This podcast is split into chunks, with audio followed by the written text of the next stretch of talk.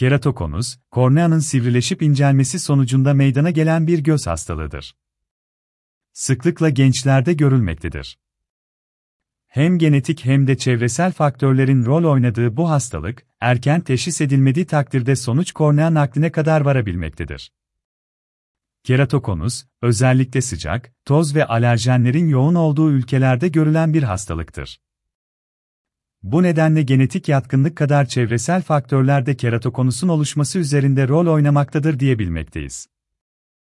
En önemli çevresel faktör ise gözü kaşıyıp oluşturmak yoluyla korneaya zarar vermek olarak görülmektedir.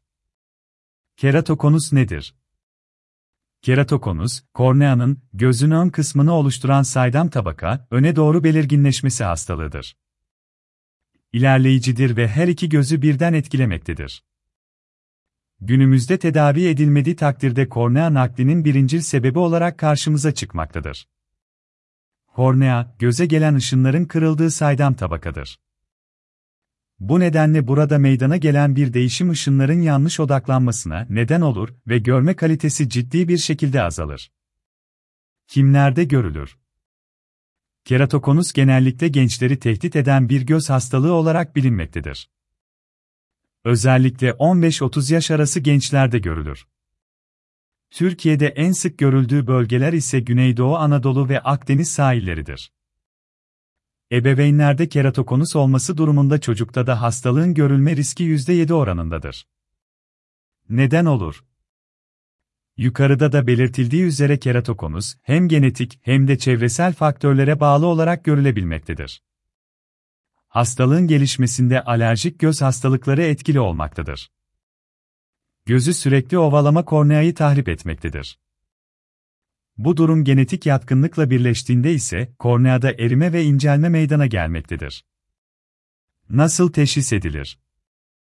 Keratokonus, rutin göz muayenelerinde astigmat, miyop ve göz tembelliği ile karıştırılabilmektedir. Bu durumda hastalığın geç teşhis edilmesine yol açabilmektedir. Keratokonus tanısında şunlara rastlanmaktadır. Kornea ölçümlerinde yükselme. Kornea kalınlığında azalma.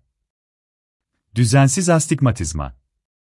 Kesin tanı kornea topografisi ve kornea analizi yapan cihazlar ile konulabilmektedir. Kornea topografisi sonucunda hastalığın tanısının konmasının yanı sıra evresi de tespit edilerek tedavi için bir yol haritası belirlenebilmektedir. Keratokonus tedavisi Hastalığın ilerlemesi halinde korneaya ameliyat ile riboflavin adı verilen B12 vitamini uygulanmaktadır. İşlem yarım saat sürmekte ve doğru hastaya uygulandığı takdirde %90 civarında hastalığın ilerlemesinde duraklama gözlenmektedir.